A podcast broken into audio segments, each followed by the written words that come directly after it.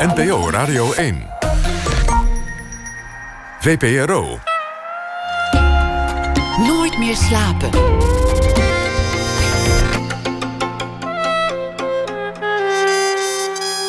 Met Pieter van der Wielen.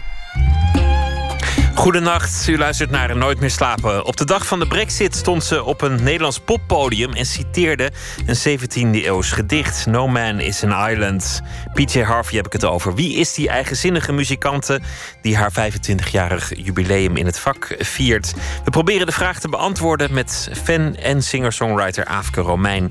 na één uur. Schrijfster Karin Giphart komt dan ook langs. Zij uh, is de gast in de rubriek Open Kaart... en heeft een, een nieuwe roman geschreven, De Gijzelaar... En Don Duin schrijft een verhaal bij de voorbije dag. Tegenover mij zit nu Joost Zwarte vanwege een uh, prachtig uh, feestje voor de stripliefhebber in Nederland. Namelijk een nieuw jaarlijks te verschijnen blad Scratches. Scratches van het, uh, van het krabbelen. Nederlandse en Vlaamse striptekenaars in het Engels. En het is ook vanwege de Frankfurter Boegmessen. Nederland speelt daar een grote rol. En het is natuurlijk de bedoeling om ook de strip daar aan de man te brengen. Joost Zwarte, welkom. Ja, dankjewel iets willen maken dat je zelf zou willen kopen. Dat zou het. Uh, ja, dat vind ik altijd zijn. een uitgangspunt. Ja, ja. Ik, ik, ik kom ontzettend veel op, uh, op stripbeurs in het buitenland. En dan struin daar altijd naar dingen die, die onverwacht zijn. Uh, ik heb al heel veel boeken in de kast staan. Maar ik, ik ben hongerig naar, naar nieuwigheden. En zo wilde ik eigenlijk ook het blad Scratches maken het idee was dat uh, Nederland en Vlaanderen zijn de komende boegmessen speerpunt. Dus er extra aandacht voor de schrijvers uit onze lage landen. En daar horen de striptekenaars ook bij. Uh, gelukkig vinden de Nederlands Fonds voor de Letteren en het Vlaams Letterenfonds die vinden dat ook. En uh, ik heb bedacht voor de jonge uitgeverij Scratch... om een blad te maken waarin we Nederlandse en Vlaamse auteurs Engelstalig presenteren... waardoor ook een groter gebied uh, kan genieten van wat er hier gemaakt wordt. Een dwarsdoorsnee van wat er momenteel gebeurt in Nederland aan, aan strips. En dat is tamelijk divers. Veel tekenaars waar ik nog nooit van had gehoord. Een, een paar waar ik wel degelijk van had gehoord. Maar, maar eigenlijk alle hoeken van, van de kunstvorm strip, van het medium strip, zijn hier vertegenwoordigd. Ja, ik heb, ik heb niet een, een, een een smaak in één richting. Ehm, en ik wil graag verrast worden. En gelukkig vind je dat uh, in onze contraien. Er wordt heel veel verschillend wordt er gewerkt. De, de tekenaars die we presenteren in Scratches zijn dus echte auteurs. Ze maken wat ze zelf belangrijk en goed vinden. En ik vind ook dat je daar uh, de ruimte voor moet geven. Het is ook wel gedoe, hè? Een strip vertalen, dat, dat, dat is monnikenwerk. Vroeger had je nog een ballonnetje, dan kon je gewoon de tekst in het ballonnetje plakken. Maar tegenwoordig is het zo divers geworden waar de tekst staat, als er al tekst staat dat dat vertalen heel, heel ingewikkeld nee, dat lijkt mij ook heel erg ingewikkeld. Dan hadden we gelukkig bijvoorbeeld een, een tekenaar, Tobias Tak...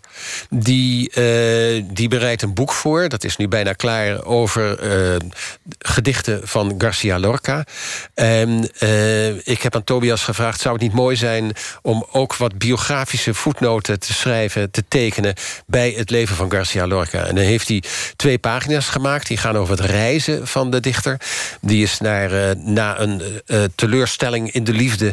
is hij naar, uh, naar New York gestuurd door de familie... want daar zou hij toch wel onder de indruk zijn van alles... en dan zou hij zijn verdriet wel kunnen vergeten. En uh, Tobias Stak heeft dat prachtig opgetekend. Maar als je nou kijkt naar die pagina's...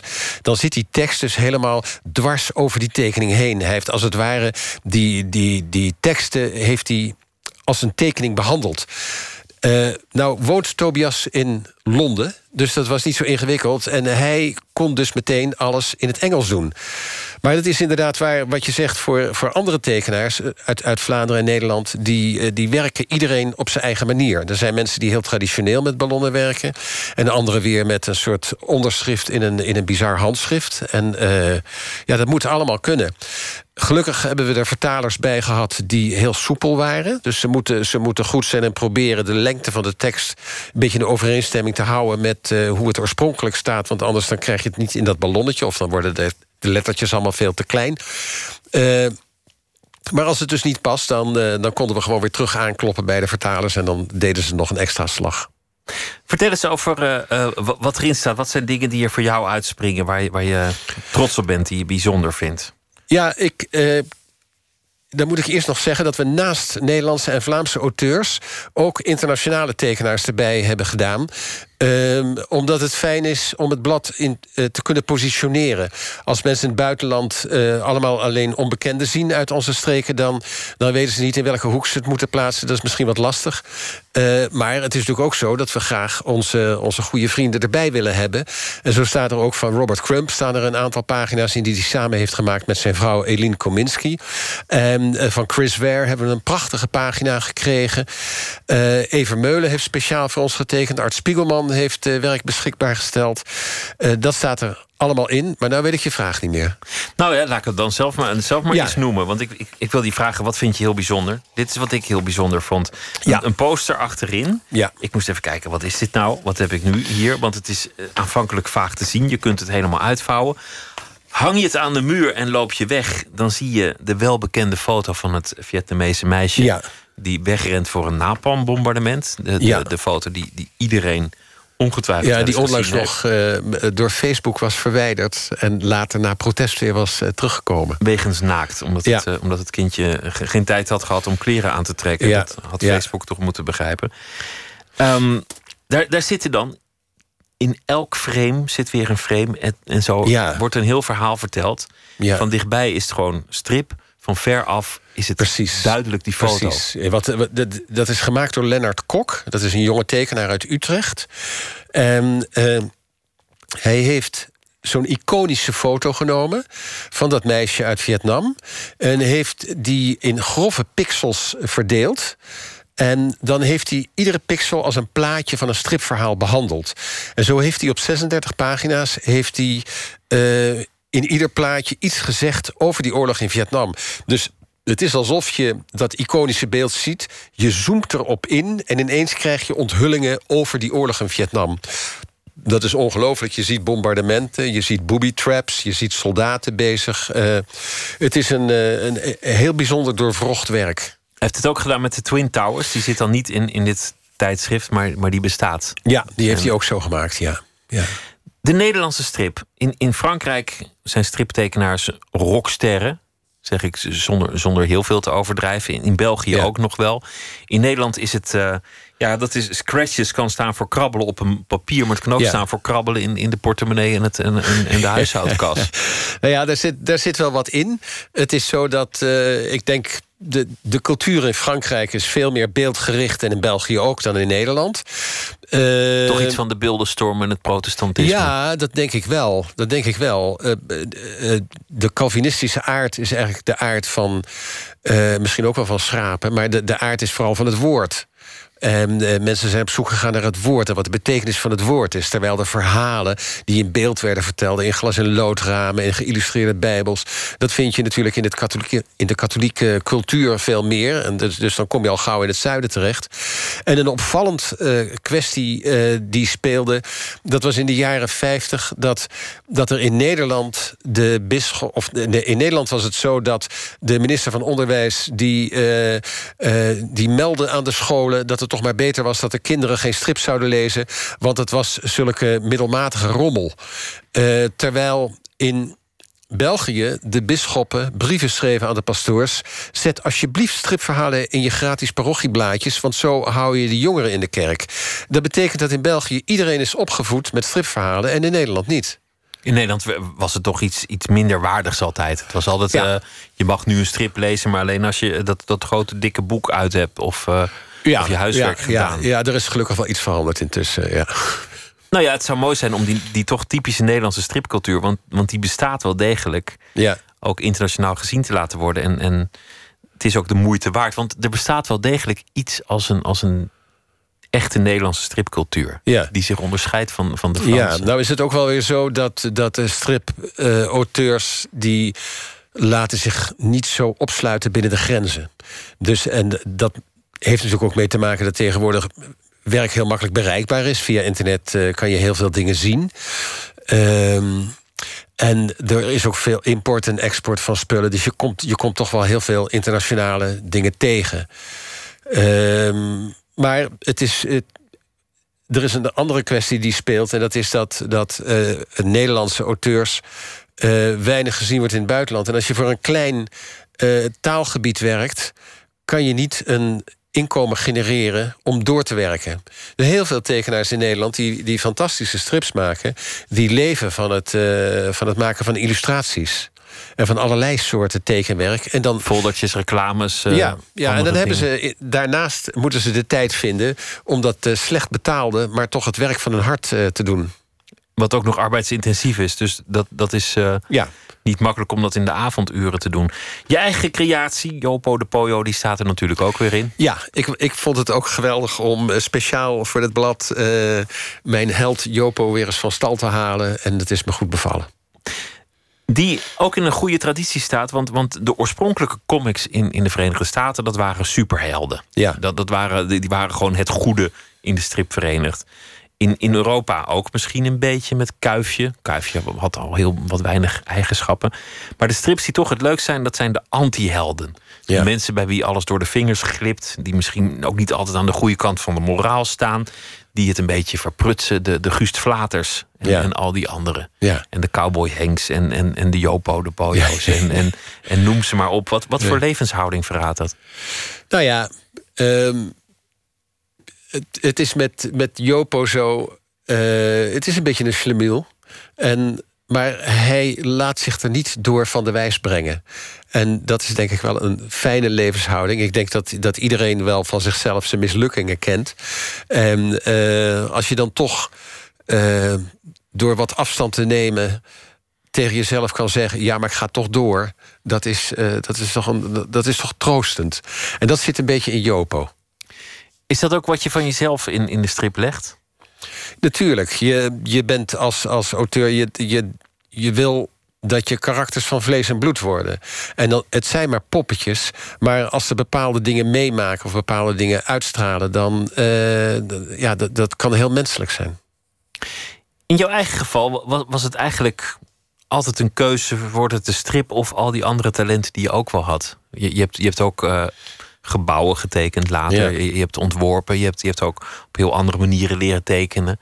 De optie om, om een heel serieuze carrière aan te gaan, die, die was ook altijd luid en duidelijk aanwezig. Hoe, hoe is dat gegaan? Maar hoe bedoel je serieuze carrière? Nou ja, dat je, dat je op een kantoor zou werken met collega's en vaste werktijden ja, ja. En, een, en een goed nee, vast was, salaris en een lunchtrommel. Dat was bij mij niet, niet aan de orde. Nooit? Nee, echt nooit. Ik ben, ik ben eigenlijk veel te eigenwijs voor al die dingen. Dus ik wil eigenlijk altijd wel mijn eigen ontdekkingsreis volgen. En daar komen die verschillende talenten of die verschillende gebieden waarin ik dan opereer. Dus ik maak glas- en loodramen en architectuur en, grafische ontwerpen, alfabets. En, en, maar de strip is natuurlijk altijd wel een grote liefde gebleven. En al die, al die gebieden zijn eigenlijk, omdat ik me in veel dingen interesseer... is het voor mij een mogelijkheid om aan de praktijk te ondervinden hoe dat is. Je kan er van alles over lezen, maar dat is uit de tweede hand. Ik wil het graag uit de eerste hand uh, meemaken. Maar ik moet zeggen dat nu voor dat blad... nu dat ik weer uh, Jopo ben gaan tekenen... dat de, de mogelijkheden die het medium biedt... die zijn weer volop uh, naar boven gekomen en ik heb er echt van genoten. Je oude liefde is weer, is weer opgewaaid. Ja. Ja. Opgeleid. Gebloeid. Gebloeid. Ja. ja. ja. Zo'n poppetje. Dat, dat, je poppetje is ook een personage. Het is bijna een mens. Ja. Dat, dat, dat is toch wat, wat een striptekenaar uiteindelijk hoopt te vinden. Of, ja. of, of misschien is het wel andersom. Misschien is het wel zo dat Kuifje Hergé heeft gevonden en, en niet andersom. Maar als dat, als dat gebeurt, hoe, hoe gaat dat? Nou ja, het, wat je zegt is misschien ook wel waar... dat zo'n stripfiguur de auteur vindt. Want uh, je, je verplicht jezelf om na te denken... over, over het verloop van zo'n avontuur. En dan ineens uh, moet je beslissingen nemen... Uh, waarin je wat dieper graaft in je eigen psyche. Dus dat, dat is het het maken van iets, dat, dat geeft ook verdieping voor jezelf. Dus ik was daar heel, heel blij mee in het geval van Jopo. En ik, ik moest de beslissingen laten nemen. Ik ben ook blij dat uiteindelijk de strip eindigt... dat hij niet alleen een rood hoofd krijgt van schaamte... of van, van zijn mislukking in dit verhaal... maar dat hij zelf in totaliteit rood kleurt... Uh, dat is dan weer typisch iets wat je kan doen uh, met een strip en niet ergens anders. Maar ik weet zeker dat hij uh, daarna de draad ook weer gewoon oppakt en zijn zegeningen telt. Weet je nog de, de, de, dag dat hij voor het eerst uit je pen rolde? Ja, dat is, dat is wel lang geleden. Ik denk dat dat in 1971 of 72 was. En, uh, eh, ik wilde iemand maken waarvan ik dacht... die, die heeft te weinig karakter om een heel persoonlijk uiterlijk te hebben. Ik geef hem van alles wat. Dus toen kreeg hij ineens de plus voor van Kuifje. En hij kreeg een badge op zijn, op zijn jasje van Crazy Cat. En ik vond ook dat hij iets op zijn hoofd moest hebben. En omdat hij een muziekliefhebber is... heb ik een muzieknootje waar zo'n vlaggetje aan hangt. Daarvan heb ik het stokje tussen het nootje en het vlaggetje uitgeknipt. En heb het het, het, het bolletje heb ik zijn hoofd gemaakt. Daar heb ik ogen opgeplakt. En ik heb dat vlaggetje er recht opgezet... alsof het een soort omhooggevallen vetkuif werd. Een combinatie van eigenschappen visueel vertaald. Ja, ja, ja. Dus het is eigenlijk denk je, nou, dat is niet zo'n heel, eh, eh, niet zo'n hele grote persoonlijkheid, dat mannetje. Maar hij is wel heel karakteristiek. En eh, ik had in die periode ook dat ik een, een, een groep van figuren bedacht. En ik was nogal onder de indruk van de films van de Marx Brothers. En dan zag ik dat die mannen dat ze uh, zich visueel onderscheiden door, door iets bijzonders aan hun hoofd te doen. De een maakte een hele grote snor met zwarte verf. Dat was Groucho. En dan had je Chico en die zette een gek hoedje op. En dat je Harpo en die zette een krullenpruik op. En daarmee kon je die mannen uh, op grote afstand uh, herkennen... en hadden ze eigenlijk een soort visueel karakter. Nog los natuurlijk van wat ze innerlijk allemaal toevoegden aan die karakters. Die beide creaties zorgden, zorgden voor jouw grote doorbraak ook vooral in Frankrijk. Waar, waar je toen, toen een grote ster werd in, in de jaren ja. 70. In de jaren 70, ja, ja, ja. Dat heeft er veel mee te maken dat. Uh, uh, ik toen ik begon met tekenen, toen was vooral de, de vrijheid van de Amerikaanse underground, dat was voor mij een eye-opener. Dat je als tekenaar niet in een soort format terecht hoefde te komen, maar dat je echt je eigen opvattingen neer kon leggen in een strip. Dat vond ik een heel bijzonder ding. Mijn eerste strips die, die leunen ook heel erg aan tegen dat idioom van die Amerikaanse underground. Totdat ik dacht, ik mis eigenlijk de magie van wat ik kende uit de strips van mijn jeugd. Als ik die oude kuifjesstrips las, dan kwam er iets tot leven... wat ik zo bijzonder vond, dan dacht ik, dat, dat moet ik ook zien te bereiken. En toen ben ik dat in tekenstijl gaan, uh, gaan nadoen. De klare lijn. De klare van... lijn kwam toen uh, in beeld. En we hadden een heel mooi voorbeeld in Nederland... van een tekenaar, Mark Smeets, die dat, uh, die dat ontzettend goed kon. En toen ik eenmaal in die, met die stijl vertrouwd was... En, en, en er ook heel blij mee was, want ik kon er heel veel in tekenen... Uh, toen begreep ik ook wel dat het niet om de stijl van tekenen alleen gaat. Je moet ook uh, je, je scenario heel goed opbouwen. Je moet niet alle informatie in het begin meteen weggeven... of je geeft iets weg aan de lezer, maar niet aan je personages. Een beetje een Hitchcockiaanse uh, benadering. En uh, juist dat, dat scenario en proberen de, de, de, personages tot leven te brengen... dat, dat werd daarna het, de volgende stap. Bij, bij Jopo de Poyo is, is altijd de kracht dat, dat in, in heel weinig bewegingen heel veel duidelijk wordt. Ja. Dat je in, in één plaatje al een hele wereld bent binnengetreden. Ja, en dat, dat is ook iets wat je, uh, wat je leert. Dat, dat uh, je kan een plaatje opvatten als een plat dingetje. En dat betekent dat je, dat je een, soort, een soort lineaire verloop van je, van, je, van je tekening krijgt. Dan zeg je nou, de figuur staat links en die gaat naar rechts. Hè. Die gaat met de leesrichting mee. En dan teken je links dat figuur en dan teken je rechts het huisje waar hij naartoe gaat.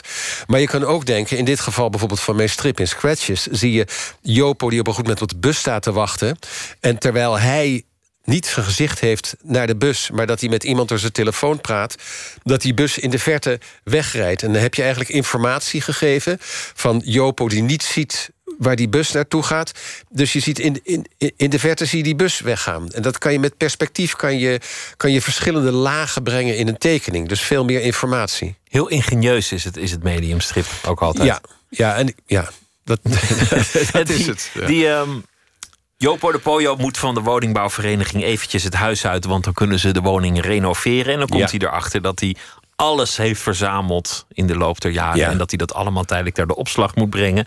En dat gaat over oude concertkaartjes, maar ook uh, zo'n collectie schroeven is, is uh, ja. indrukwekkend te noemen. Dat zou over de auteur kunnen gaan. Je, je lijkt me iemand die, die Nou, dat is natuurlijk een, een instinkertje in het leven. Hè? Dat, je, dat je te veel spullen niet alleen naar je toe trekt... maar dat je die ook gaat bewaren allemaal. En aanvankelijk denk je, oh, dat komt nog wel eens van pas. Totdat je een doos vol draadjes hebt die nooit meer van pas komen... en die al tien jaar op dezelfde plek staan. En dan wordt het tijd om te overwegen, wat gaan we met die doos doen? Dus uh, dat zit er wel in. Ik heb wel met het verhuizen van mijn atelier een jaar of tien geleden...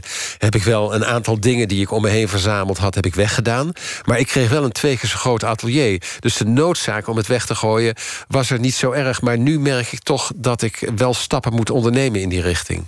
Pas op wat je weggooit, want er is een gekke tendens. De, de, de musealisering van de strip en ook de kunstmarkten hebben het medium ontdekt. En, en oude stripplaten die, die, die gaan voor recordbedragen. Ja, dat, dat, dat is ook zo. En dat, dat is. Uh, ik hoef niet alle, alles met, met hele entourage te bewaren. Maar alle dossiers. Als ik gewerkt heb aan een opdracht of aan een, aan, aan een strip, dan bewaar ik alle schetsen. En uh, alle krabbels en alles wat ik voorafgaand gemaakt heb, dat bewaar ik allemaal. Maar het verkopen van originele platen is een, is een vervangend inkomen geworden. Want er is zo, zo toen de crisis begon en de uitgeverijen in moeilijkheden kwamen, de krantenoplagen daalden, zijn heel veel uitgeverijen hebben besloten om de betaling aan tekenaars om die naar beneden te schroeven. En eigenlijk dusdanig dat je daar niet meer van zou kunnen leven. En ik heb toen de, eh, bedacht, ik, ik ga. Uh, niet minderen in mijn tijd. Dat zou je dan denken. Dan moet je in minder tijd moet je zo'n tekening maken. Ik ga eerder meerdere in mijn tijd. Ik wil het mooiste maken wat ik in me heb. En uh, als ik dan het origineel heb van dat werk, dan kan ik dat verkopen. En dat gebeurt ook. En langzamerhand is dat een belangrijk uh, uh, aandeel in mijn inkomen geworden. Je hebt ook, dat, dat zei ik al, um, gebouwen ontworpen. Je hebt, je hebt ook je eigen bril ontworpen. Het, het, het gebouw, dat was in het, het theater in Haarlem. Ja, ja waar, waar het medium strip werkelijkheid werd. Op een heel bijzondere manier. Eigenlijk, eigenlijk is het niet zo dat het medium strip werkelijkheid werd. Maar ik, uh, ik heb in de, in de strip altijd mezelf gerealiseerd dat, uh, dat er aan de andere kant van het blad een kijker zat. En ik probeerde te spelen met de interpretatie van de lezer. En eh, op die manier heb ik me kunnen verplaatsen in andere mensen. En ook dat heb ik in het gebouw kunnen doen. Dus als ik, een gebouw, als ik het gebouw de toneelschuur ontwierp... Dan, eh, dan dacht ik, hoe moet het zijn om daarin te lopen? Hoe voelen die mensen dat? Hoe nemen ze dat gebouw waar? Hoe vinden ze hun weg in dat gebouw? En op die manier heb ik, een, uh, ja, heb ik, een, heb ik aan die architectuur gewerkt. En je eigen bril, dat was de, de, de, gedachte was: ik kijk door een bril. Waarom zou ik niet de werkelijkheid kunnen beïnvloeden met mijn ja. bril? Ja, ja dat was, het was een erg leuke vraag. Uh, gelukkig komen er regelmatig mensen langs met, uh, met vragen. Uh, waarvan ik denk, hoe kom je erop? Maar ik, het, bij mij is het welkom, omdat het voor mij dan weer een nieuw avontuur inleidt. En de brillenfirma in Haarlem die bij mij kwam, die, die vroeg eigenlijk alleen een model. Maar toen dacht ik, een bril gaat over scherp kijken. Dat is eigenlijk het hoofddoel van een bril. Maar eh, zou het ook mogelijk zijn om inhoudelijk iets te doen met, de, met het kijken van een lezer? Want het is toch ook zo, of van een kijker, het is dat je, je de dingen die je ziet, die moet je uh, op een bepaalde manier vertalen naar je hersens toe. Daar, moet je, daar moet je iets van maken. En toen dacht ik, als ik nou in de hoeken naast mijn glazen, waar normaal gesproken het symbooltje staat van de fabrikant van de bril, als ik daar nou aanhalingstekens zet, dan betekent dat hetzelfde als wat je in een, in een tekst, in een gezette tekst ziet. Als er een begrip tussen aanhalingstekens staat, dan betekent dat dat het een citaat is van een ander. En uh, in dit geval, als je dat naast je, naast je brillenglazen hebt, zou je kunnen denken: uh, wat ik zie is een citaat van een ander, of dat is door anderen ook gezien. En die heeft daar ook een opvatting over. Dus dat is een uitnodiging om, om datgene wat je ziet ook van verschillend perspectief eh, te benaderen. In, in uh, journalistieke kringen is het vaak dat een aanhalingstekens betekent. We hebben het zelf niet kunnen checken, maar we hebben het van horen zeggen. Ja. Dit zijn geruchten, pas op. Misschien is het waar, misschien niet. Dat vind ik, ik zag het vandaag nog. Trump Ja. Aanrander, aanhalingstekens. Zo van, je ja. hebt, het, je hebt Ja, het niet echt het van wordt, mij. Het wordt ook als teken van ironie wordt het gebruikt. Dus als een woord niet letterlijk genomen moet worden. Ik vind overigens dat, eh, wat jij zei, we weten het niet zeker. Dat vind ik eigenlijk ook heel mooi. Dat ligt er natuurlijk ook bij dat je gaat twijfelen over wat je ziet. En dat is natuurlijk een prachtige boodschap. Ehm, eh, maar het, het, het, als je hem s ochtends opzet en dan kan je het ook zien als een uitnodiging om de dag in te gaan. eh, een uitnodiging om de wereld met meer ironie te bekijken. De vorige keer dat we elkaar spraken wa- was, was het niet zo'n leuke gelegenheid. Toen ging het over eh, Charlie Hebdo. Dat Ja. was de, dag eh, van de aanslag. Toen is er na heel veel gebeurd in de wereld waar het gaat over strips en cartoons. En ook vooral de visie op het leven die in dat medium besloten ligt. Ja. De, de lichtvoetigheid, de humor, de creativiteit, Ja, dingen ja. anders bekijken. Ja. Jij noemt het nu ironie. Ja. In die zin zou je toch zeggen dat, dat, dat er een gouden tijd voor de strip aan zit te komen. Ja, Dat, dat er een eh, noodzaak voor is. Ehm, nou ja, misschien wel. Ik, ik zou het helemaal niet erg vinden. Ehm, je ziet ook wel dat, dat, dat tekenaars, eh, als ze onwelgevallige portretten van politici maken of iets dergelijks, of ze tekenen er een cartoon over, dat het ook tot bedreigingen kan leiden. Eh, wat aan de andere kant natuurlijk ook betekent dat, eh, dat de tekenaars serieus worden genomen. Of dat, dan denk je, nou, dat, dat moet toch ook een, een opstekertje zijn. Dat eh, iets waarvan je zelf denkt dat het redelijk onschuldig is, dat dat door politici ook eh, behoorlijk zwaar wordt genomen. Dat betekent dat je toch wel iets, iets van macht wordt, wordt toegedicht. Dat het impact heeft. Maar onze cultuur is is steeds visueler aan het worden. Door, Ja. door in, in de tijd van Instagram en, Ja. en Facebook is, is Ja. het plaatje, het beeld, Ja. veel dominanter dan, Ja. dan 30 jaar geleden. Ja, en dan vind ik eigenlijk het mooie dat, dat eh, veel tekenaars de ruimte nemen om, om een eigen visie erin neer te leggen. Want eh, je kan ook naar de realiteit kijken en dan zeg je, nou, wat je ziet, dat is waar. En het is niet zo. Want je, je kan ontzettend eh, misleid worden door iets wat je gewoon in eerste indruk veronderstelt eh, waar te zijn, maar wat eigenlijk, als je er wat meer van weet, niet waar is. Ik vind het mooi dat, eh, dat in tekeningen dat het ook als een taal eh, kan worden gebruikt en dat je echt visies kan over, overdragen. En spelen op alle mogelijke manieren met, eh, met Ja. het medium, met tekst, met. Ja. Nou ja, er, er staan prachtige dingen in, in het blad Scratches. En dat gaat dus nu naar eh, Frankfurt. Ja, we gaan eh, maandag dan, eh, dan reis ik naar Frankfurt toe. En in Frankfurt, eh, Scratches is onderdeel van de presentatie van Nederland en Vlaanderen. eh, eh, is ook te zien in het Nederlands-Vlaams paviljoen. En, eh, maar er is nog iets anders leuks wat er gebeurt op de, op de boegmessen. En dat is dat er in het paviljoen een studio is ingericht. En daar wordt het blaadje Parade gemaakt. Dat is een klein blaadje. Er, gaat een, gaan tekenaars mee. Die gaan er aan de tafel zitten tekenen. Dus bezoekers van het paviljoen zien hoe een tekening van een eerste schets verder wordt ontwikkeld. Dan wordt dat ingescand. En dat wordt dan doorgestuurd naar een risograaf. Dat is een, eh, een risoprintmachine.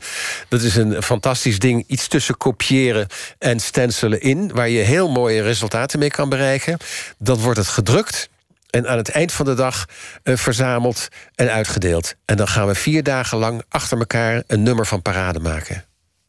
Dat klinkt ontzettend eh, leuk. Doet me ook een beetje denken aan, aan Angoulême, de stripstad waar op het festival de Nederlandse delegatie ook een keer de stad met een soort periodiek behing, elke uur een nieuwe. Precies, precies. Nee, dat, is eigenlijk, update. dat kan je zien als een vervolg daarop. Ja. Ik wens je heel veel succes en dank dat je wilde langskomen. En heel veel plezier ook met het eh, tekenen en het blad Scratches. Joost Zwarte, dank je Zometeen gaan we verder met Nooit meer slapen. Don Duins heeft een verhaal geschreven bij de voorbije dag. En dat zal hij zo meteen eh, voordragen. Ook aandacht voor Slikken en Stikken. De nieuwe voorstelling van De Verleiders. Dit keer over de zorgsector. En we gaan het hebben over PJ Harvey. Het eh, wonderlijke zingende fenomeen. Wie is zij toch eigenlijk en wat maakt haar zo bijzonder? Twitter, het VPRO NMS. We zitten op Facebook en u kunt zich abonneren op de podcast via iTunes of de website vpro.nl schuine streep nooit meer slapen.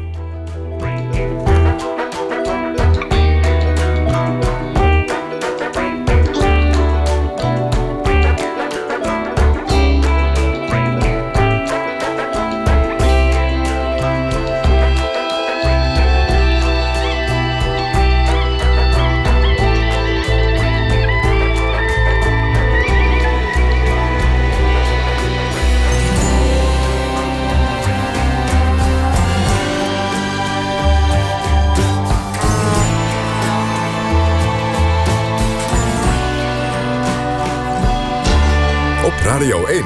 Het nieuws van alle kanten.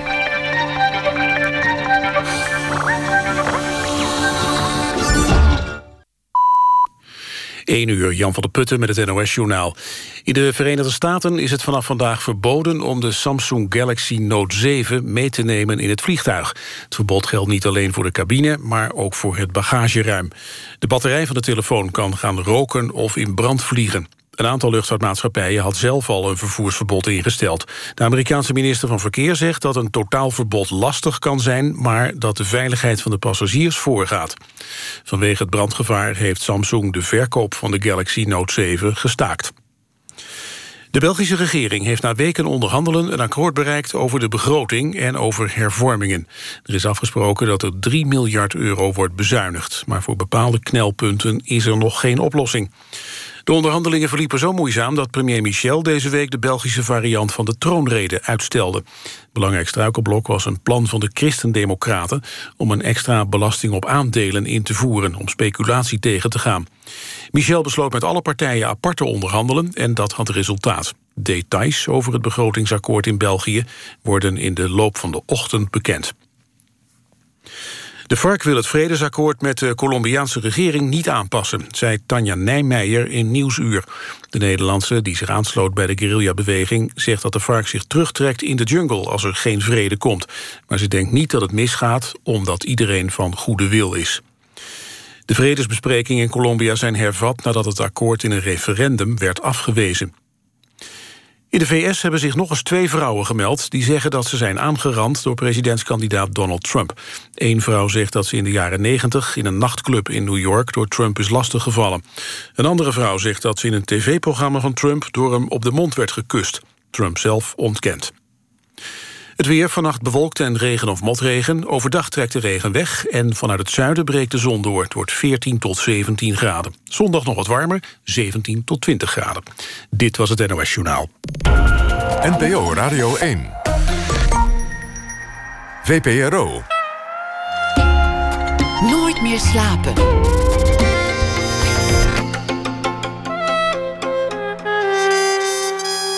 Met Pieter van der Wielen. PJ Harvey treedt komend weekend op in Nederland en zit 25 jaar in het vak. Zometeen gaan we het hebben over uh, de dame van de rock'n'roll. En Karin Gippard komt op bezoek vanwege uh, haar nieuwe boek De Gijzelaar. Te beginnen met Don Duins. Hij is schrijver van toneelstukken, televisieseries en romans. En deze week zal hij elke nacht een verhaal maken bij de voorbije dag. Don, goeienacht. Goeienacht. Zo, alweer de laatste. Wat gaan de weken snel? Ja, ik dacht dat jij altijd een avondje vrij had ook in de week. Maar... Ja, deze week niet. Want uh, Elsenomi Perquin die heeft een uh, poëziefestival, geloof ik. Die staat te ah, dichten. belangrijk. Ja, ja, vind ik wel. Zeker. Ja, hey, vertel eens over de, de, de voorbije dag. De, het, het, ja. Je begon met Trump deze week vanwege het debat. Trump en de Nero en de horror clown heb ik gehad. Ja, en, en, en nu, dag. Nu is Trump gedurende de week zelf een soort horrorclown geworden... omdat dat elk uur ja. er weer een nieuwe vrouw zich meldt... die, die zegt Precies. ooit bij de billen te zijn gegrepen. De teller loopt, ja, en zo'n kus op de mond. Dat heb ik volgens mij ook wel eens per ongeluk gedaan. Dan wil je een vrouw zoenen, dan draait ze net haar hoofd. Maar ja, dat zal Trump ook wel zeggen. En in, in verkeerd licht lijkt mijn haar op dat van Trump. Dus ik kan me niet te veel veroorloven. Maar, nee, maar ja, goed, dat, hoort, dat is natuurlijk wel een, een feit... dat als je presidentskandidaat bent... dat elke misstap uiteindelijk gevonden zal worden. Ja, of soms net iets later. Ja. Nee, het is waar. Maar die, ja, dit, dit, dit zal nog wel... Uh, ik ben benieuwd wanneer hij de duizend vrouwen haalt met klachten. Het zal snel oplopen, denk ik. Ja, Want, ja. in, in dit tempo zit, zitten we daar in twee weken aan, geloof ja, ik. precies. ja. Waar gaat je verhaal over? Uh, ja, ik heb een foto in de krant gezien, daar gaat mijn verhaal over. Dus dat zal ik uh, voorlezen. Ga je gang. Het heet Volledig leven geleefd. De mooiste foto in de krant van vandaag is die van drie rouwende Thaise vrouwen. Naar aanleiding van het overlijden van hun koning Pra Bat Somdet Pra Paramintaramba Bhumipol Adulaidia Maletibetet Ramatibodi uh, kortweg Bhumibol.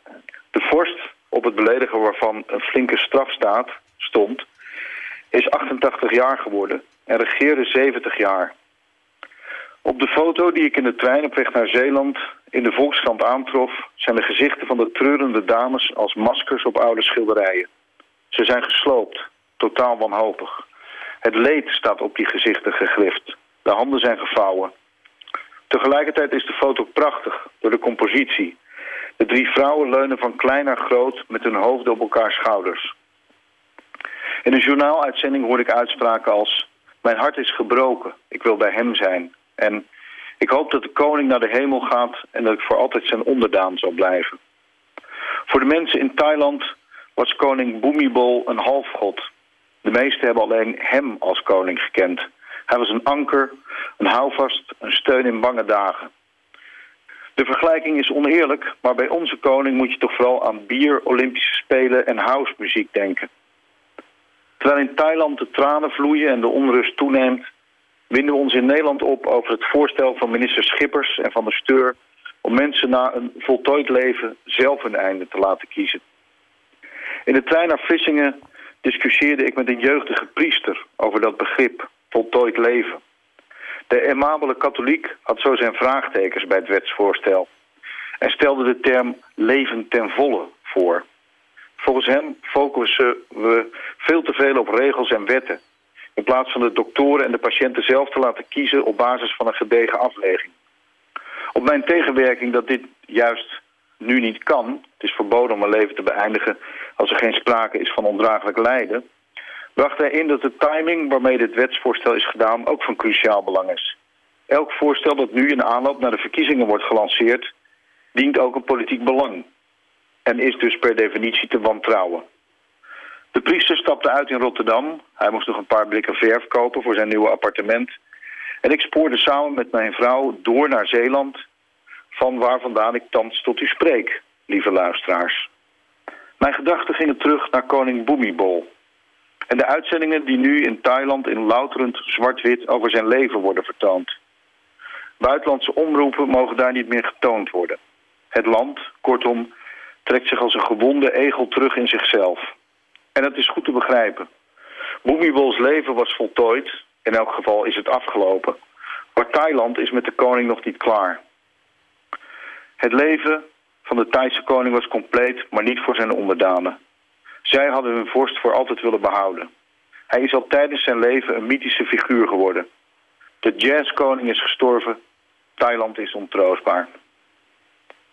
Don Duins, dankjewel voor het uh, verhaal waarin je de dood van een koning verbond aan een wetsvoorstel waar veel om te doen is in Nederland. En een uh, treinreis die je ook nog maakte. Goedenacht en uh, dank dat je het deze week wilde doen. Het was me genoegen. Tot de volgende Mij keer. ook. En de goede nacht zal wel lukken hier in Kloetingen, want hier is het altijd rustig. Behalve Nou. de kerkklokken luiden. Nou, die, die, die kunnen heel hard luiden hoor. En die gaan heel vroeg af. Dus ik zou maar snel gaan mooi. slapen. Goeienacht. Dag. Lana Del Rey, ze draait alweer een tijdje mee in de muziekwereld. Ze werd geboren als Lizzie Grant, maar nam uiteindelijk de artiestennaam Lana Del Rey aan. Deels ontleend aan een eh, Hollywood-actrice, Lana Turner, en een Amerikaanse modelauto. En dit is eh, misschien wel haar grootste hit, Videogames.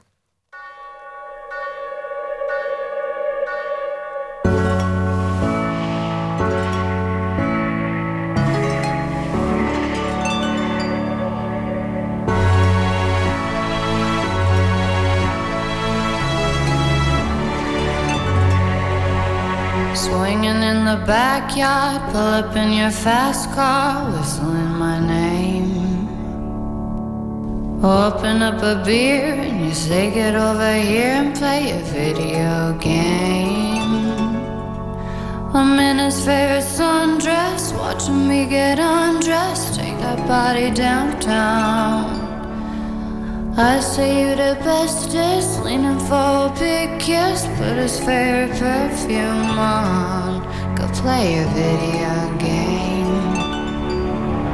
It's you, it's you, it's all for you. Everything I do, I tell you all the time. Heaven is a place on earth with you. Tell me all the things you wanna do.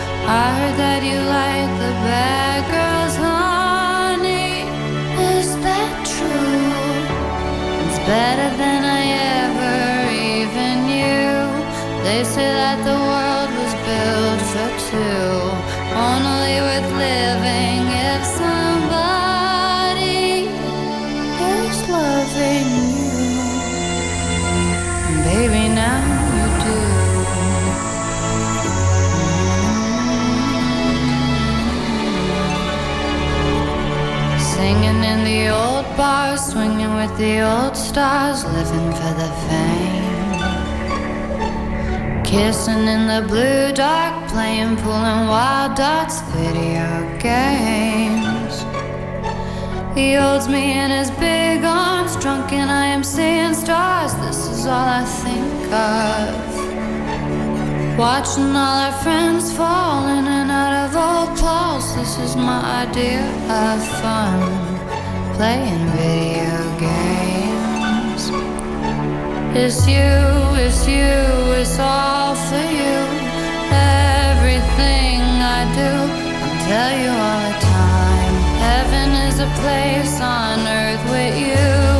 Tell me all the things you wanna do. I heard that you like the bad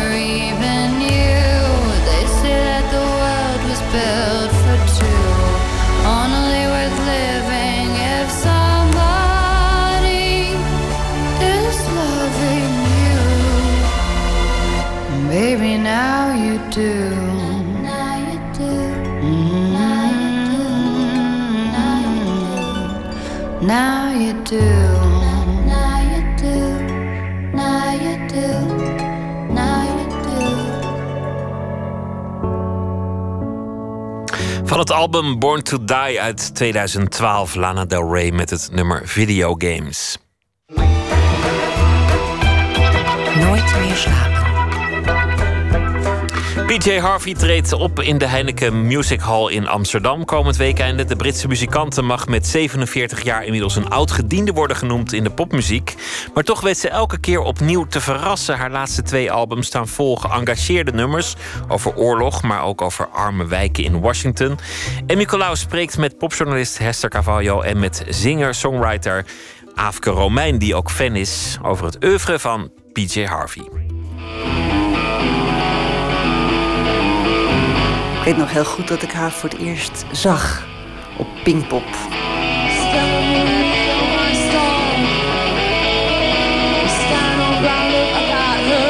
Maakte al wel heel erg grote indruk. Maar ik vond haar wel een heel wonderlijk, wonderlijk persoon.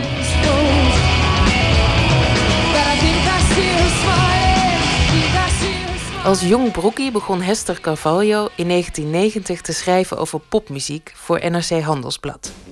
De eerste single van PJ Harvey kwam ook in die tijd uit, in 1991. Carvalho zag haar voor het eerst live in 1992 en is haar sinds die tijd blijven volgen. Ze heeft Harvey ook meerdere malen geïnterviewd. Als ik nu zo terughoor, dan denk ik dat ik het toen op een hele andere manier inschatte dan het uiteindelijk eh, hoe het geworden is.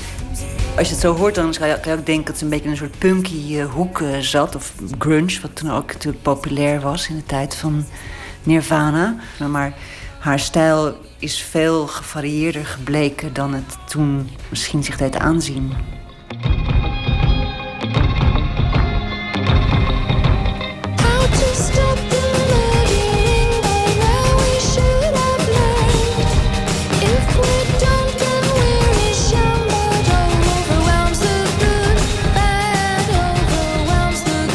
Zij eh, is niet eh, dat, ze, dat ze één stijl heeft en daar, dat wel best vindt... en dan nou ja, daar gewoon steeds weer een nieuwe plaat in maakt.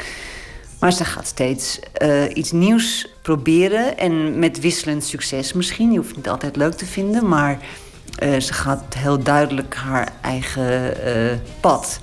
En dat heeft eigenlijk bij haar wel meestal hele mooie resultaten opgeleverd, wat mij betreft. Als je kijkt in het hele aanbod van alle uh, goede muzikanten, of bijzondere, dan vind ik haar op eenzame hoogte staan. Denk dan aan, aan iemand als Beck of Tom Waits in zijn hoogtijdagen. Mensen die echt hele nieuwe dingen hebben uh, uitgevonden. Dat, dat vind ik voor haar gelden. Nick Cave ook. Er zijn er eigenlijk niet zoveel van.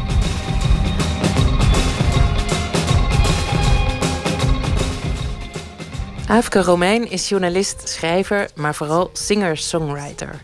Haar laatste platen zitten vol elektronica en haar Nederlandse teksten zijn openhartig, pijnlijk en vaak ironisch.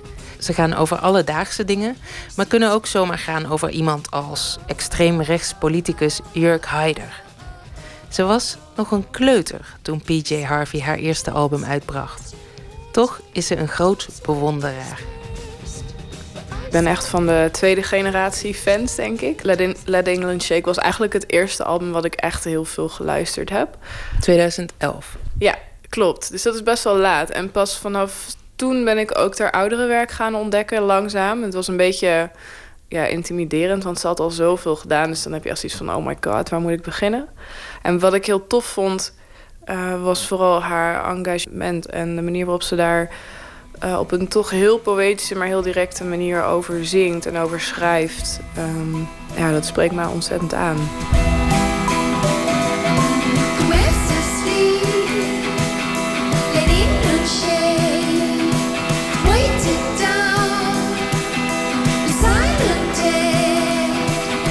Ja, het grappige van die plaat is dat de titel is heel erg bijna activistisch. Of dan denk je van nou, daar heeft ze wel een enorme bedoeling mee. Van laat Engeland uh, op zijn grondvesten schudden. Alsof ze nou wel eens eventjes heel erg flink de waarheid zal gaan zeggen.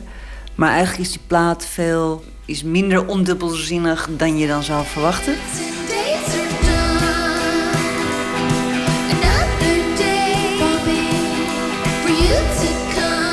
Uitgangspunt was haar onderzoek naar allerlei oorlog, oorlogen uit het verleden en uit het heden.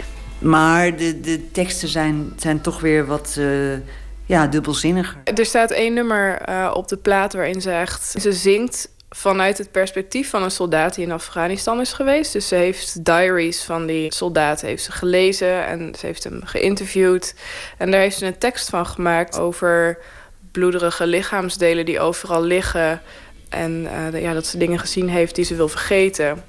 En het doet me heel erg denken aan, aan, aan echt die poëzie uit de Eerste Wereldoorlog. Dus gewoon de, de loopgravenpoëzie uit Vlaanderen en, en Frankrijk en Engeland en Rusland.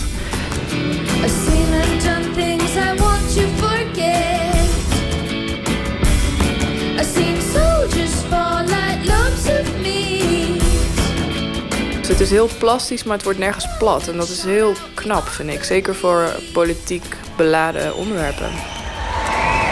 No man is an island. Entire of itself. Ja, dat was heel mooi bij de optreden afgelopen zomer op Down the Rabbit Hole. Dat was de dag van dat Brexit was eh, bekend geworden. En toen heeft het optreden halverwege stilgelegd. En toen had ze No Man is an Island, het gedicht van John Donne, voorgedragen. Helemaal in haar eentje op de rand van het podium met een zeer veel emotie in haar stem. Every man is a piece of the continent. A part of the main.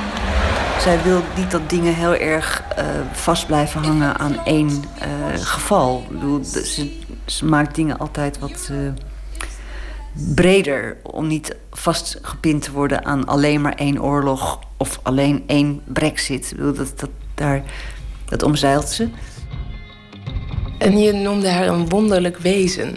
Hoezo dan? Nou, ik heb haar toen ook geïnterviewd, herinner ik me. En toen was ze, nou, ze zei eigenlijk niks. En ze was ontzettend stil en of heel erg bedeesd en ja, eigenlijk meer afwezig. Ze was gewoon kwam niet haar wereld, kon haar wereld niet binnenkomen. Ze zat in haar eigen wereld. En uh, dat vond ik wel uh, juist ook wel aantrekkelijk natuurlijk. Uh, minder geslaagd voor het interview. Maar je voelt bij haar wel dat er ook een soort strijd in zit. En ik denk dat dat ook is wat, wat het aantrekkelijk maakt. Ja, dat, raakte eigenlijk aan dat in de interviews die ze geeft, vaak met een beetje tegenzin, willen interviews eigenlijk altijd, en net als denk ik de luisteraars, weten van wat zit er dan achter haar, haar leven, wat, wat voelt ze erbij. En daar wil ze dan eigenlijk niet over praten. Maar door die stem denk je wel van daar, daar zit een groot verdriet of grote woede. Of ja. wil je dat ook gewoon weten? Ja. ja, ik ben ook opgehaald om dat maar om dat te proberen te bereiken bij haar. Want dat heeft inderdaad niet zoveel zin. En ja, ik vind het ook eigenlijk wel prettig. Want daardoor uh, relateer je het niet per se allemaal aan haar eigen verhaal. Ze houdt in die zin ook het, uh, houdt het heel, veel open. Bij, de latere, bij haar latere platen, of laatste twee platen in elk geval, is het natuurlijk wel, is het wel iets meer duidelijk.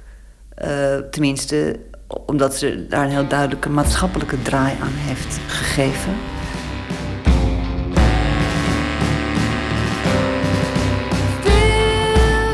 Maar ze is volgens mij opgegroeid uh, op het platteland van Dorset. Uh, vrij afgelegen. En haar ouders luisterden veel naar Captain Beefheart. En dat vond ze zelf vond ze heel erg mooi. En, nou ja, veel andere uh, oude muziek.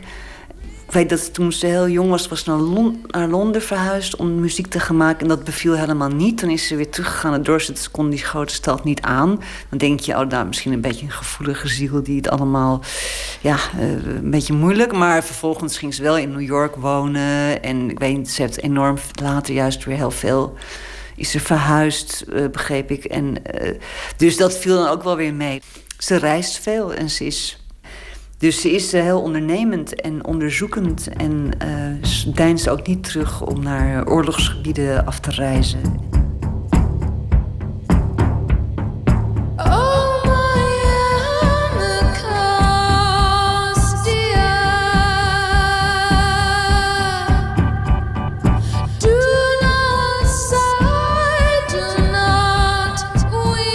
Wat ik heel tof vind aan haar is dat ze um, een van de weinige vrouwen is die, die, um, die volwassen wordt in de, in de muziekwereld, of ouder wordt. Dus uh, ja, ze wordt over een paar jaar 50. En ze is er nog steeds en ze blijft ook nog wel even, denk ik. Um, en vooral ja, vrouwen op leeftijd, tussen aanhalingstekens, zijn een zeldzaamheid binnen de popmuziek. Je hebt natuurlijk Madonna, maar die probeert heel erg krampachtig om een soort van jong te blijven. En ik heb bij PJ Harvey het gevoel dat ze gewoon echt zichzelf blijft. Dus dat ze een soort van ontwikkeling doormaakt naar een vrouw van 50 die heel geloofwaardig is voor mij. Nooit saai, maar wel gewoon 50 in inhoud, in lichaam, in eh, de manier waarop ze op het podium staat. En dat vind ik heel erg gaaf. Dat biedt wel heel veel hoop voor andere vrouwelijke artiesten.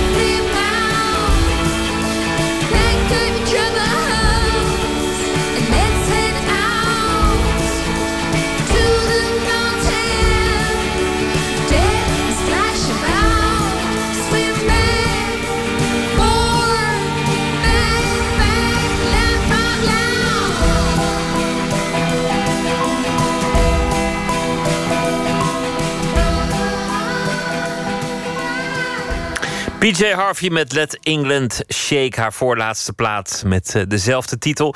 Zondag te zien in de HMH in Amsterdam. En Nicolaus sprak daarvoor met muziekjournalist Hester Cavallo en muzikant Aafke Romein. Open kaart.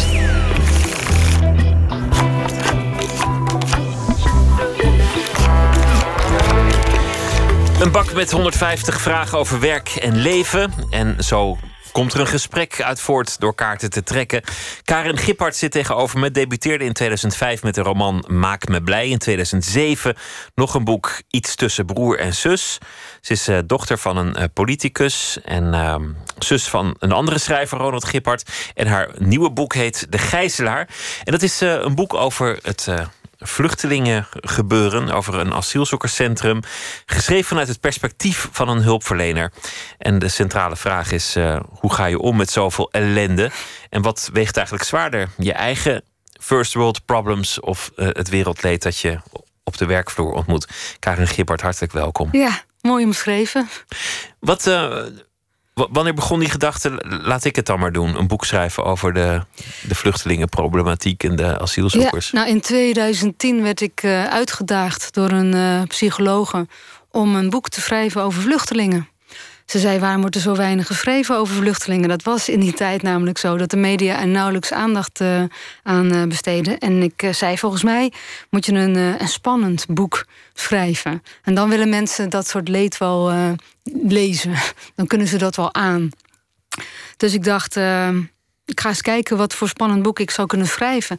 En ik ben zelf toen naar Ter Apel gegaan op uitnodiging. Want zij, zij gaf me haar netwerk, als het ware. En ik kwam daar tijdens kerst. En het was een afschuwelijke reis om daar te komen. Omdat het verkeerde soort, soort sneeuw in Nederland viel. En de NS kon dat niet aan. En toen gingen ze ook geen bussen meer. En toen moest ik een taxi nemen. En ik dacht, goh, stel je voor dat je hier als vluchteling aankomt. Hoe onwelkom kan het zijn? Als zelfs het weer je al niet welkom heet. en de spoorwegen je niet willen vervoeren. Ja, 4,5 uur heb ik erover uh, gedaan om er te komen uh, toen. En ik kwam eraan en het was kersttijd. En ik dacht, nou, dit is het eigenlijk al. Het moet zich tijdens de kerst afspelen. Al deze elementen zijn, zijn terechtgekomen in het boek. Ja. Een psycholoog die werkt in een asielzoekerscentrum. En Iemand die... die er met kerst naartoe moet. Onwelgevallige verkeerde sneeuw. Ja, en dan ook nog een, uh, een gijzeling. Nou, dat uh, heb ik niet meegemaakt, wil ik wel meteen zeggen. Maar um, ik heb wel een Koerdische tolk ontmoet... Uh, die op een dag oog in oog stond met iemand... die zijn familie gemarteld heeft.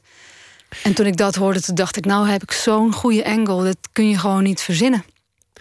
En toch is het ook niet, niet helemaal... Um ongebruikelijk. Want dit gebeurt heel veel in asielzoekerscentrum. Ja. Strijdende partijen komen elkaar tegen. Mensen ja. zien ineens de moordenaar van hun familie ja. zitten. Oorlogsmisdadigers zijn ook wel eens aangetroffen in asielzoekerscentra. Ja, iedereen komt daar terecht. En, en dus kan je wel ineens op de gang zitten met iemand. En die mensen die zwaar de... getraumatiseerd zijn. Ook die moet je eens. natuurlijk ook niet bij elkaar uh, zetten eigenlijk. Het is een, een, een tamelijk vreselijk gebeuren, lijkt me, zo'n asielzoekerscentrum. Het personage is psycholoog, maar worstelt zelf met allerlei problemen. De puberteit van de dochter, een stuk gelopen relatie. Um, moeite om weer opnieuw te beginnen in, in de liefde. En is dan ook nog zelf aan een soort therapie begonnen... die, die behelst dat je veel opschrijft. Ja, een storytelling therapie. Bestaat dat echt? Ja, bestaat echt. Ik heb er zelfs een boek over gelezen. dan moet je brieven aan jezelf schrijven. Ja, en, maar dat kan ook in. Um, het is niet alleen schrijven hoor, want dat kan ook via kunst of via muziek en dergelijke. En op zich vind ik dat wel heel uh, mooi hoor, om, om te weten wat er zich nu allemaal afspeelt in dat gekke onderbewustzijn uh, van je. Omdat je daar toch eigenlijk meer geregeerd door wordt dan uh, door het bewustzijn. Heb ik althans af en toe het idee. Weet je wel dat je, dat je ergens. Um, um, dat je iets gaat doen en je hoort die stem, doe het niet. En dan toch die andere stem, nee, doe het wel. Nou, dat is toch wel goed om af en toe te achterhalen waarom je doet wat je doet. We hadden het net over stripboeken. In strips wordt het altijd mooi verbeeld. Dan heb je, heb je kapitein Haddock en de whisky waar die van af is. En Ja. dan een engeltje en een duiveltje Ja, op ja. zijn schouder. En die, en, die, en die trekken aan hem. Het moeilijke als je een boek schrijft over eh, asielzoekerscentra... is, is dat, dat het of moralistisch wordt. Ja. Of, of dat je je gaat ergeren aan het personage die heel erg het goede of het niet goede doet. Ja, zeker als jij zelf op dat moment je eigen ergens schuldig voelt van nou, ik doe eigenlijk helemaal niks voor de vluchtelingen in dit eh, land. En ik weet ook niet wat ik moet doen. En ik heb me wel een keer aangemeld, maar daar heb ik niks meer over gehoord. Dus dan lijkt het me ook best wel lastig om dan zo'n boek te gaan lezen. Ja, dat is ook zo. Maar ja, aan de andere kant, de mensen die wel iets doen, doen dat misschien ook uit persoonlijke motieven. Absoluut. En Omdat dat lijkt me ook heel goed. is gekomen of omdat ze het leuk vinden. Ja. Ja, leuk ook- vinden, omdat je ook de behoefte voelt om, een, eh, om dingen, een oplossing mee te, bij te dragen. Dat je ja, iets aan deze situatie doet. Ik denk ook, en dat, eh, dat, dat zeg ik nu ook overal, dat een neutrale houding niet meer mogelijk is op dit moment. Een neutrale houding, zo'n Zwitserse houding, eh, is bij uitstek op dit moment fout. En ik denk dat als je iets kunt doen, ehm, dat je er zelf ook heel veel voor terugkrijgt. Dus eigenlijk zi- zit er wel degelijk een, een oproep in het boek. Moet ik het zo lezen? Ja, erg hè? Nee, laat, laat ik het zo zeggen. Ik heb geprobeerd om dat belerende uit mijn boek te houden. Ik maak er zelfs grapjes over in het, eh, in het boek. Ehm, maar ik schrijf niet alleen om te entertainen. Ik schrijf wel degelijk om mensen tot nadenken eh, te zetten. En dan mag je zelf concluderen of het wat met je doet. Of je denkt van dit is eh, iets eh, ehm, wat me, ja, waardoor ik tot actie word aangezet. Er komt een gijzeling in voor, daarom ook de titel De Gijzelaar. Maar een andere gijzeling is, is de, de puberdochter die, eh, Ja. die het huis uit wil. En die, eh, die ook nog eh, voor het eerst verliefd is geworden. Ook nog op iemand van dezelfde sekse. En die de moeder natuurlijk, zoals dat hoort in de puberteit, de dufste persoon op aarde vindt. En, en alle keuzes ook goed kan bekritiseren. Wat, wat ook goed is voor het, eh, voor het boek. Dat vond ik eigenlijk ook een interessant aspect. Nog, nog, nog los van de vluchtelingen. Nou, ik, denk dat we allemaal wel eh, eens gegijzeld worden in ons leven. Maar, maar meer door onszelf. Door hoe we vinden hoe we moeten zijn. Of we komen in een situatie die we misschien helemaal niet zo goed aankunnen. Maar we vinden dat we een soort van superman of su- supervrouw moeten zijn. Dus ja, ik, eh, ik probeer dat wel groter te trekken dan alleen maar louter die gijzeling op het AZC. Dus fijn dat je dat ziet. Zullen we beginnen met de kaarten? Hier ja, ik zijn ben ze. heel benieuwd. Trek er één. De, de- de grote kaarten zijn de minder leuke vragen. De kleine kaarten, dat zijn de leukste vragen. Vraag Maar- niet hoe het kan, maar dat, dat is statistisch bewezen. Ja, Maar je mag ook een grote trekken, hoor. Ja, het begint gewoon met een grote. Want het, eh, pff, wat- maar daar wat. maken we gewoon een leuke vraag van. Ligt aan het antwoord. Zal ik hem voorlezen? Ja. Is je werk geslaagd als mensen het mooi vinden? Ehm, mm, ja. Ja. Ja, ja, nou, trek nog zo'n kaart. Zie je, die grote, die grote werken minder goed dan de kleine. Ik pak gewoon weer een grote. Wanneer heb je voor het laatst ge- gehuild van geluk? Nou, dat was eh, afgelopen dinsdag bij mijn boekpresentatie. Echt waar? Ja, ja. Oh, wat, want wat mooi. Ja, mijn, mijn, eh, mijn kinderen gingen zowaar op het podium en eh, gingen speechen. En het leek een beetje alsof ik op mijn eigen begrafenis eh, was, want ze zeiden hele mooie dingen. dus eh, uiterlijk heb ik niet echt tranen gelaten, maar dat was omdat ik, me, omdat ik dat dan niet zo goed kan of zo. Maar van binnen voelde ik me toch wel een klein beetje wenen. Want jouw kinderen zijn, zijn ook al tieners. Nou, al twintigers. Twintigers ene- zelfs. en- en eentje van 23 en eentje van bijna 19. Oh ja, dus, dus één tiener en één, één daar voorbij. Dus dan, dan is die ergste puberteit ook wel achter de rug. Ja, sommigen hebben hem laat, hè? ik weet niet, kun jij je puberteit nog een beetje herinneren? Nou, hele, hele stukken zijn weg. Met een reden. Oké, ja. Nou, nou ja, wanneer heb jij voor het laatst gehuild van geluk? Oh, dat, dat, dat weet ik eigenlijk niet meer. Dat is al een tijdje geleden dat ik echt moest huilen van geluk. Het gebeurt me wel eens hoor, maar dan, dan probeer ik het te verbergen. Maar dan krijg ik een beetje zo'n brok. En dan, eh, Ach, ach, ik vind het zo eh, naar om te huilen. Maar ik huil wel op zich makkelijk voor, ehm, voor anderen. Voor mezelf vind ik dat wat eh, lastiger. Ik veins altijd een verkoudheid of zoiets. Nou, ik pak maar eens een kleine. ja. Wanneer wist je dat je dit werk wilde doen? ja, interessant. En met dit werk bedoel je het schrijven dan waarschijnlijk? Denk ik wel, ja. Want ik doe eigenlijk zoveel mogelijk verschillende ehm, dingen. Dus ik werk nu ook in een escape room bijvoorbeeld. Ik maak muziek, ik edit. Het maakt me eigenlijk niet zozeer uit wat, Wat, is, ik een, doe. wat is een escape room? Ehm, dat is in feite alsof je een soort spel speelt, maar je, in 3D. Dus je doet hem echt. Dus je bent niet achter een, eh, een laptop, laptop of een computer bezig. Je gaat een ruimte binnen en je moet daar ook weer uit zien te komen. En vaak moet je dan ook nog een aantal dingen oplossen. En wat doe jij daar dan? Ik begeleid dat. Dus jij haalt mensen op die er echt niet meer uitkomen? Nee, nee, nee. Ik zit uh, um, in een kantoortje met een aantal camera's. En ik kijk wat ze doen. En als ze vast komen te zitten, dan wil ik ze nog af en toe wel eens een kleine hint uh, geven. Om te zorgen dat ze er uiteindelijk weer uitkomen. Met een bakje popcorn. Het is echt heel, heel leuk werk om te doen. En ik zie dus hoe die mensen met elkaar omgaan. Het is basispsychologie uh, wat daar voorbij komt, kan ik wel zeggen.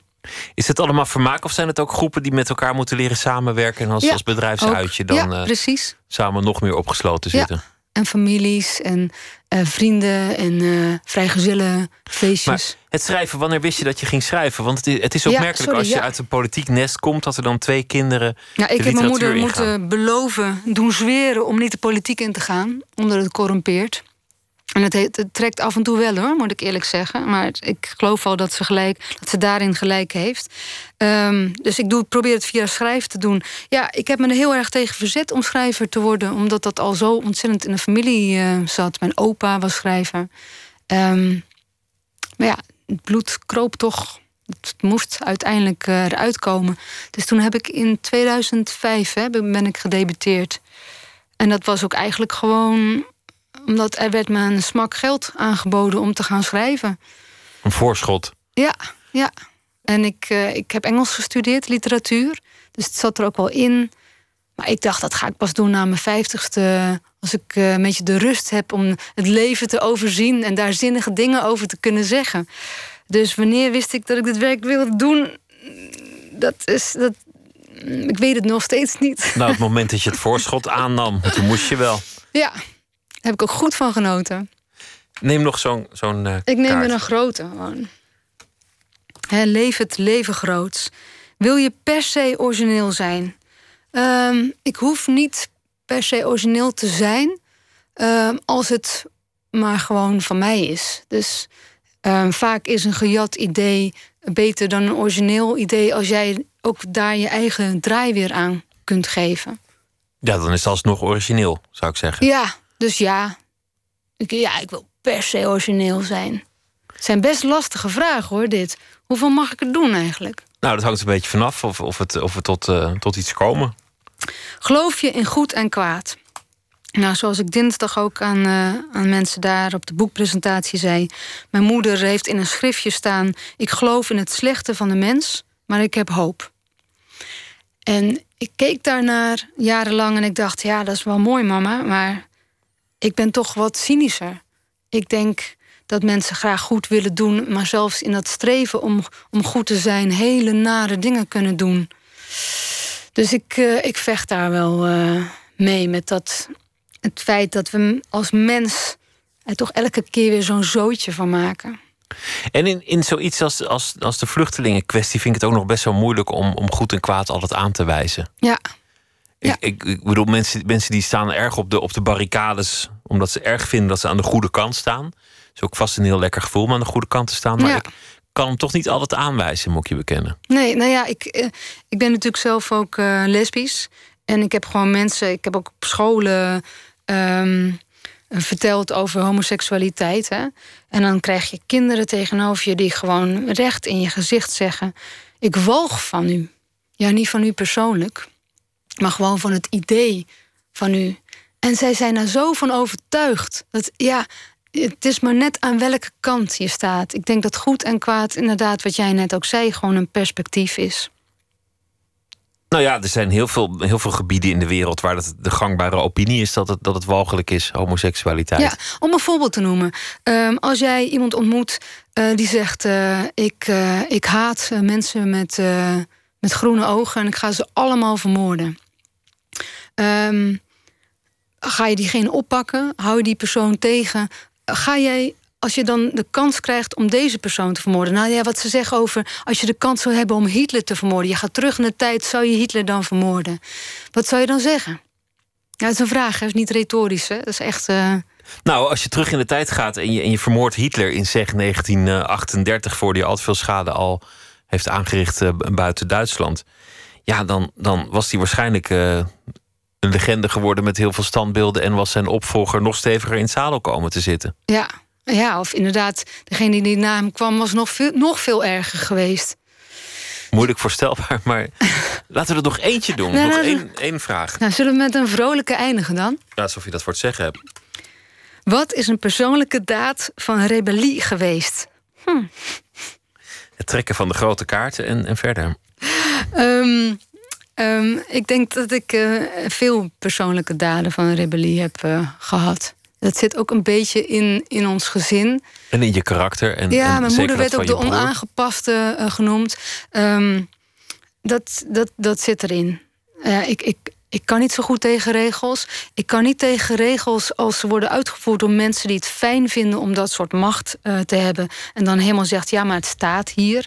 Of het staat in de Bijbel. Of het staat in de Koran. Of wat dan ook. Dus ik, ik zal me daar heel snel tegen eh, verzetten. Maar dat kan ook heel klein zijn hoor. En als je veel voorbe- voorbeelden wil hebben, dan moet je maar eens met mijn kinderen gaan praten of met mijn vrouw. Dank dat je bent gekomen, Karen Giphart. Het boek heet De Gijzelaar.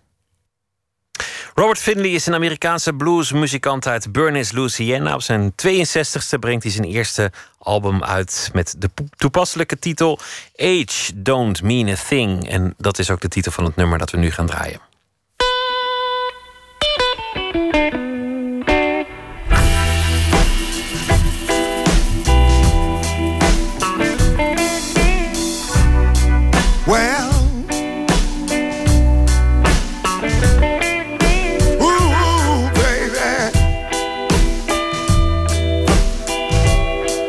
singing.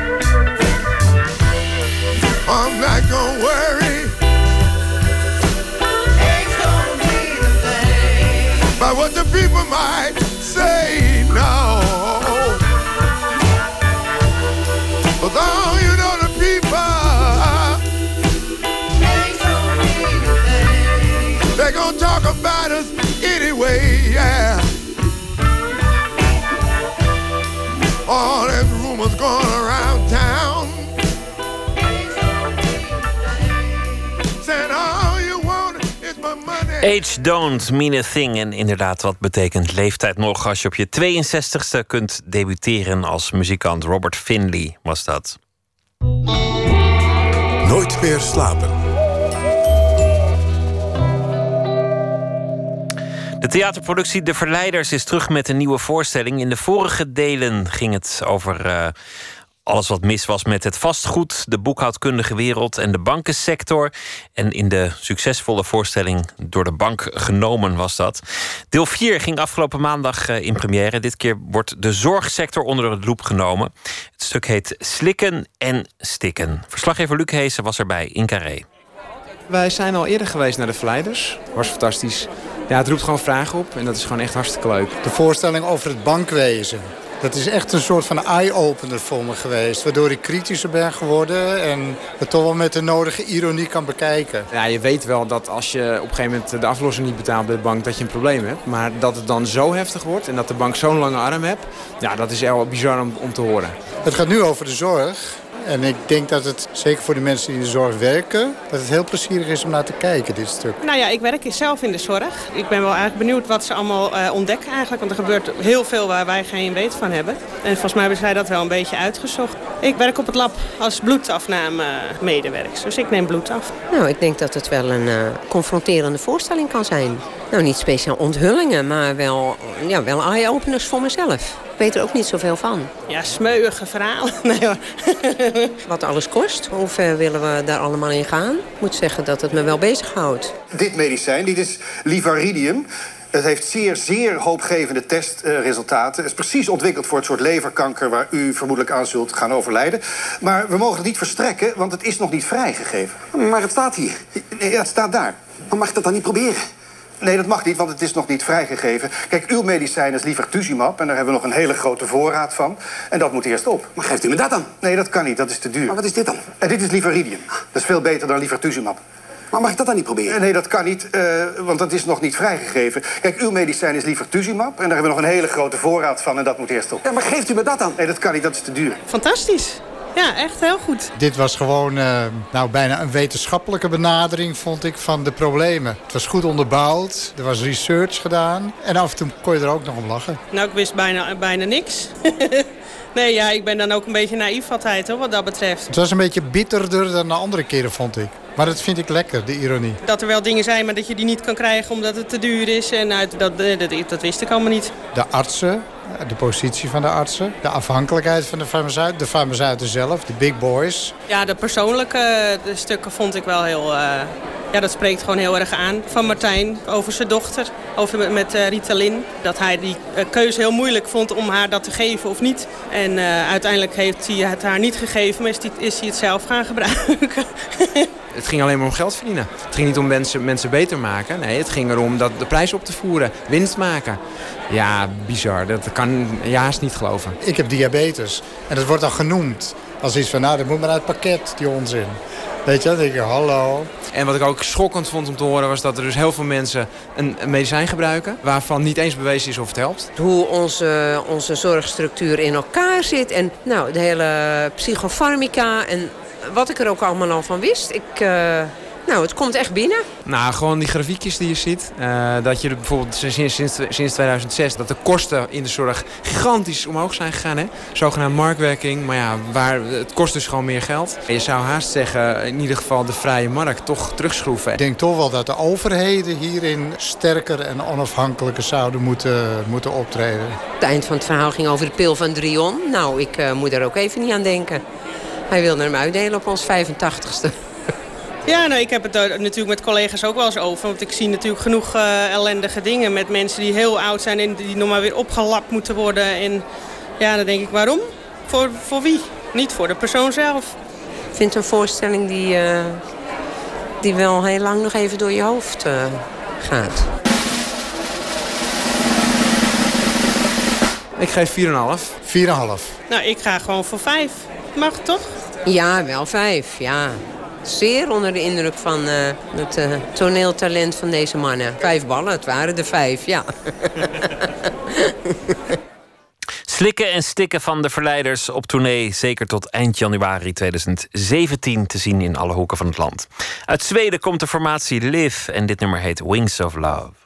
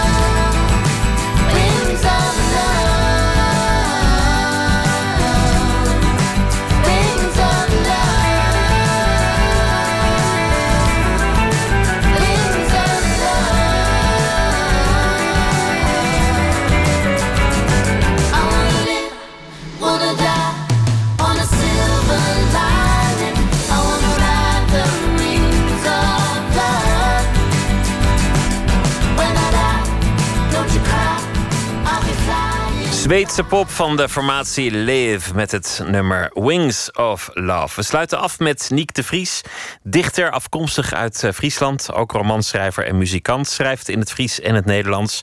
Elke nacht deze week heeft hij al een gedicht voorgedragen. De laatste in de reeks heet Het Systeem.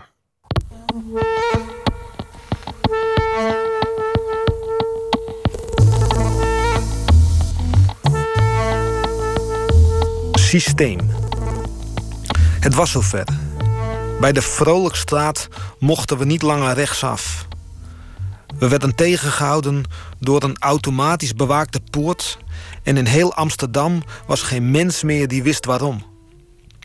De vraag werd doorgespeeld aan Den Haag... en even later aan allerhande computerspecialisten in het buitenland. En ik merkte wel, zij veinsden kennis... maar Nico, een vriend van me, glimlachte... en legde uit dat we als mens de controle over de computers kwijt waren. Hij zei: Het enige wat we kunnen doen is alles stilleggen, het hele systeem. Dan doen we dat toch? riep ik strijdbaar. Het zal helaas niet gaan, zei Nico fijntjes. dan moeten we bij de Vrolijkstraat rechtsaf. Ik woon nu ongeveer eh, acht jaar in eh, Amsterdam. In eh, de Vrolijkstraat, om precies te zijn. En ik ben nogal geïnteresseerd in technologie. En best veel van mijn teksten die spelen dan mee. En ik heb dit een tijdje geleden geschreven. En ik dacht eerlijk gezegd dat het nog heel lang zou duren... voordat de computersystemen de, de, de macht over gaan nemen. Maar als ik gewoon actualiteitenprogramma's zie... dan lijkt het er soms op of het al heel dichtbij is. Er komt een Nico in voor. En Nico is echt ook een vriend van me in Groningen. En die zit in de IT. En die vertelt me soms over eh, deze materie. En dan zegt hij er vaak aan het eind bij... jongen, dit is nog maar het begin. Eh, ik ga hem nog een keer eh, voordragen. Systeem. Het was zover. Bij de Vrolijkstraat mochten we niet langer rechtsaf. We, we, we werden tegengehouden door een automatisch bewaakte poort. En in heel Amsterdam was geen mens meer die wist waarom. De vraag werd doorgespeeld aan Den Haag en even later aan allerhande computerspecialisten in het buitenland. En ik merkte wel, zij feinsden kennis. Maar Nico, een vriend van me, glimlachte en legde uit dat we als mens de controle over de computers kwijt waren. Hij zei: Het enige wat we kunnen doen is alles stilleggen. Het hele systeem. Dan doen we dat toch? riep ik strijdbaar. Het zal helaas niet gaan, zei Nico fijntjes. Dan moeten we bij de Vrolijkstraat rechtsaf.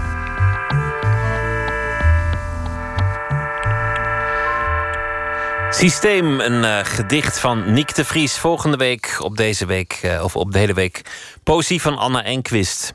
Dit was eh, Nooit meer slapen voor deze nacht. Zometeen kunt u luisteren naar het programma Woord. Nog de hele nacht tot in het ochtendgloren. En ik wens u daarbij veel plezier. En maandag, dan is Nooit meer slapen er weer na middernacht. Eigenlijk dinsdag dus, maar daar doen we niet moeilijk over. Een prettig weekend. Goeienacht. Op